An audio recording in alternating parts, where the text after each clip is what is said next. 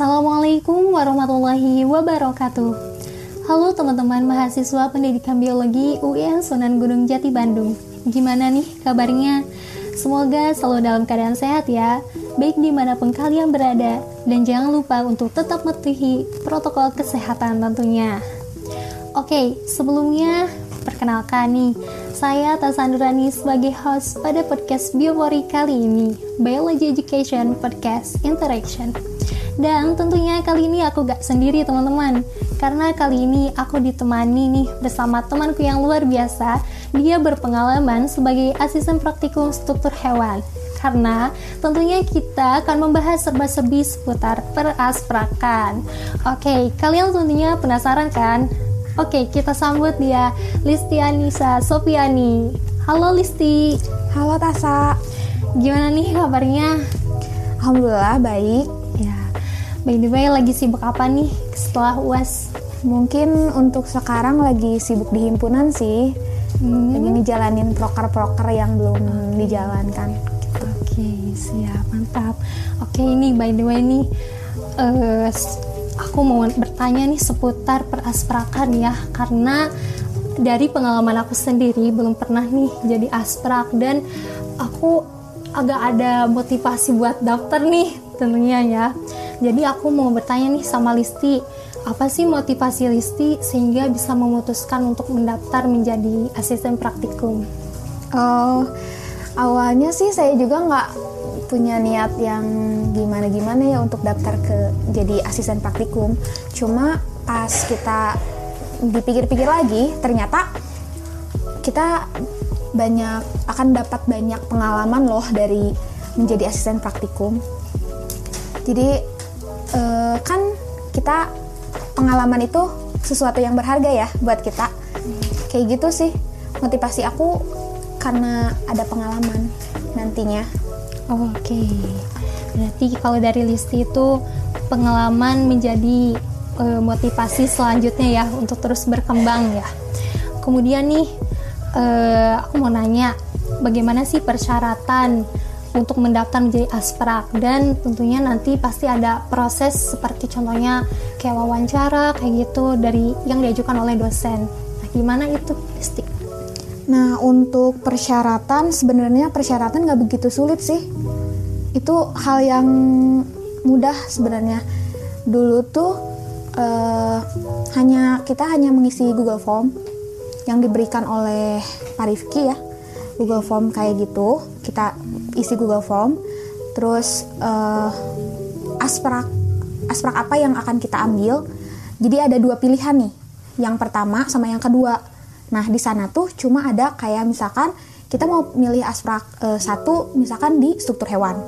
Nah di sana dicantumkan nilai kita pada pembelajaran struktur hewan tuh berapa jadi ada iya. nilainya gitu. Mm -hmm. Nah, terus pilihan yang kedua mau apa nih kita? Misalkan zoologi invertebrata. Nah, nilai kita juga dicantumin di sananya berapa gitu. Jadi uh, mungkin salah satu syaratnya juga kita harus uh, memiliki nilai yang baik pada mata kuliah yang akan kita jadikan eh, pilihan sebagai asprak kayak gitu. Oh, gitu. Kalau misalkan untuk wawancara uh, gak begitu spesifik sih. Soalnya kita uh, langsung chat ke dosennya. Jadi setelah kita gue mengisi Google Form kita langsung chat ke dosennya. Kayak misalkan uh, assalamualaikum perkenalan diri gitu. Ibu saya calon asprak gitu. Nah mungkin nanti ditindaklanjuti sama dosennya gitu. Sama dosen pengampunya. Ya kita pasti ditanya. Kayak misalkan oke okay, nilai kita terus uh, tempat tinggal kita kayak gitu sih nggak nggak terlalu yang susah gitu enggak yang penting sih niatnya kita niatnya lillahi ta'ala gitu. Oh iya benar-benar. Oke okay, uh, eh, selanjutnya nih Listi. Kalau menurut Listi kan tadi ya Listi juga pengen ada pengalaman untuk selanjutnya. Nah tapi uh, apa yang meyakinkan Listi? Misalnya nih kelebihan dan kualitas diri yang dimiliki oleh Listi sehingga Listi teh yakin gitu ya bisa jadi asisten praktikum ya kayak tadi terus uh, bekal apa sih yang atau jadi kayak kemampuan apa yang Listi miliki uh, terutama bagi uh, para pendengar ya yang masih duduk di semester 4. Nah, tentunya harus punya bekal nih sebagai asisten praktikum. Nah, kalau dari Listi sendiri itu gimana sih? Awalnya untuk aku mah lebih banyak nanya sih, maksudnya hmm. lebih banyak bertanya ke asisten praktikum. Misalkan awalnya aku juga ragu, tapi aku bertanya. Jadi e, gimana sih e, jadi cara jadi asisten praktikum? Terus apakah sulit nggak? Jadi kita tuh bertanya dulu kayak gitu ke asisten praktikumnya. Nah nanti teh, oh ya e, dikasih tahu nih nggak kok nggak akan sulit gini daftarnya juga gampang dan lain-lain nah untuk sebenarnya untuk kualitas diri sih lebih ke kita harus benar-benar dalam proses belajar. Jadi uh, aku pada saat di mata kuliah misalkan struktur hewan pada semester 3 atau misalkan di zoologi invertebrata itu proses belajarnya sungguh-sungguh gitu. Mengikutinya dengan sungguh-sungguh. Jadi tahu nih prosesnya kayak gini kayak gini kayak gini. Jadi pas jadi asprak tuh kita nggak terlalu bingung karena materinya sudah uh, sudah kita kuasai gitu kayak gitu iya berarti list itu suka sama apa sih pelajaran eh mata kuliah ini ya mm -hmm. gitu kan suka juga gitu mm -hmm. oke okay. selanjutnya nih Listi uh, tugas asprak itu apa aja sih terus uh, Listi punya kendala nggak selama menjadi asisten praktikum gitu? Kalau untuk tugas asprak, awalnya kan kita uh, buat grup sama dosen pengampu. Nah, nanti kita diarahkan dulu sama dosen pengampu. Diarahkan, diberi penjelasan apa yang harus kita lakukan dan tugas kita apa. Jadi kita nggak akan dilepas begitu saja oleh dosen, tapi kita didampingi gitu sampai prosesnya selesai kita didampingi. Nah, untuk tugasnya sendiri itu kita uh, uh, apa sih membuat meet dulu bersama asprak lain. Nah, nanti di sana kita langsung membicarakan nih apa yang akan ditugaskan kepada para mahasiswa.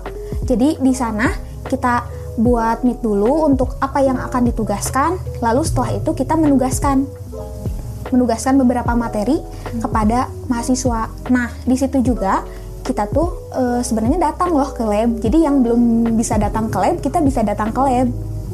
Kayak gitu. Kita bisa datang ke lab. Nah, nanti para aswak itu datang dulu ke lab, mencari alat bahan, mencari alat bahannya gitu. Nah, setelah kita mendapatkan alat bahan, kalau misalkan secara offline kan e, kita bisa langsung ya di sana. Nah, apabila secara online kan kita harus ke lab dulu. Nah, yang ke, ke lab dulu tuh itu kan asprak. Sedangkan mahasiswa online. Nah, kita mencari alat bahan, setelah itu kita baru kasih ke anak-anak gitu, ditugaskan kepada anak-anak.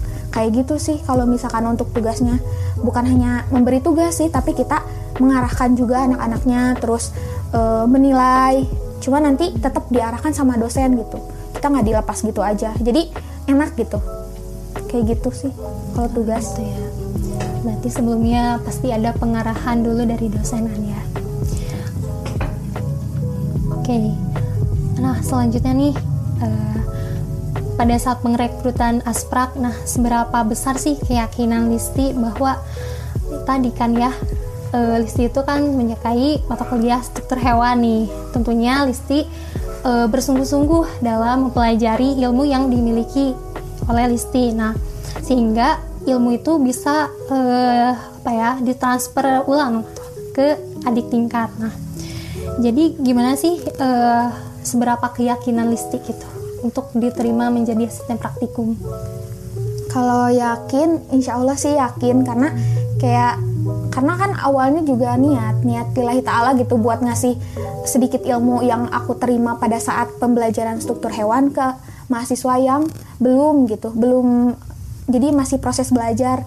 Jadi sebenarnya aku nggak nggak bersikap menggurui juga jadi sama-sama belajar gitu. Aku belajar mereka belajar kayak gitu sih lebih kayak kayak gitu kalau aku. Oh, gitu ya. Nah selanjutnya uh, kalau dari struktur hewan ya kalau misalnya lagi ujian nih kan kadang suka ada sistem ketok nih ya waktu ujian apa sih uasnya? Betul gak sih itu? Betul. Nah nah e, dalam memilih metode praktikum yang diberikan ya yang kayak gitu ada gak sih uh, terobosan yang terbaru dari metode yang baru gitu. Apakah harus tetap ujiannya itu sistem ketok ataukah uh, ada sistem baru gitu Listi? Kalau kemarin untuk uas masih dalam sistem ketok sih. Sistem ketok secara online. Soalnya kan belum pada offline. Mm-hmm. cuma kalau misalkan uh, sekarang untuk praktikum itu kan ada yang offline ada yang online. Jadi kemarin tuh ada yang offline di lab. Jadi yang terbarunya kita bisa offline sama mahasiswa baru gitu. Hmm, ya, gitu. kayak gitu sih. Uh, kira-kira nih kan waktu sistem ketok itu gimana sih reaksi dari mahasiswanya? Apakah wah kaget gitu kan ya? Persiapannya cuman berapa menit sih Listi itu? Satu menit satu oh, gitu soal. kan satu menit tuh kan. Gimana tuh reaksi dari mahasiswanya? Ya pasti mereka juga shock ya, ya maksudnya. ya shock ya shock. Cuma sebelumnya juga dikasih tahu dulu sih oh, bahwa gitu. mau ada uas dan uasnya juga uh, sistemnya kayak gitu gitu sistem ketok. Nah persiapan dulu. Jadi setidaknya nggak terlalu shock. Cuma ya mungkin sedikit lah. Iya gitu ya. Uh, kalau hasilnya kayak gimana sih? Hasil uasnya. Hmm, biasanya hasil uasnya. Hmm, kalau kemarin alhamdulillah sih cukup lah dibilang. Cuma karena kan sistem ketok mungkin rada uh, mahasiswanya rada shock. Jadi buyar gitu oh, apa iya. yang udah dipikirkan. Jadi lebeng ya bahasa Sundanya mah ya. Kayak gitu. Nah terus um, misalnya nih kalau ada yang udah dekat nih sama Listi adik tingkat. Nah terus uh, dia tuh lalai dalam mengerjakan tugas praktikum misalnya nggak bikin apa nggak bikin video praktikum ataupun nggak ngebedah nih dan terus uh, memberikan kritik pedas nih kepada asprak-asprak juga yang lain nah gimana sih sel, uh, Listi selaku asprak untuk menindaki menindaklanjuti uh, mahasiswa yang seperti itu Uh, kalau yang pertama ya yang mahasiswa yang nggak ngumpulin, kita coba uh, PC gitu. PC hmm. kenapa nggak ngumpulin? Apa uh, apa ada kendala? Jadi kita tanya kendalanya apa gitu. Kalau misalkan ada kendala dan nggak bisa, sok dibantuin gitu, dibantuin sama kita. gitu. Kayak gitu sih. Jadi kita harus PC dulu ke orangnya. Jadi dari hati ke hati lah oh, gitu. Kalau hmm. pertanyaan yang kedua tadi tadi tuh kalau misalnya nih uh, dia teh udah mah nggak ngumpulin, saya nggak ngumpulin tugas terus uh, marah-marah atau misalnya gimana nggak kritik gitu lah kritik ke asisten praktikumnya gimana nih? Kalau misalkan kritiknya uh, ada nggak gitu mungkin ya? Mungkin ada, mungkin ada di balik yeah. itu mungkin ada kritik. Cuma kalau misalkan kritik yang membangun ya kita terima. Hmm, gitu ya kalau misalkan kritik ya. yang dalam tanda kutip gitu ya udah yang gitu. menjatuhkan gitu hmm, nggak apa-apa itu mah gak usah dimasukin ke hati. Cuma kalau misalkan kritik yang membangun ya udah kita terima gitu. Oh ini masukan gitu buat diri kita gitu. Mm-hmm. kayak gitu.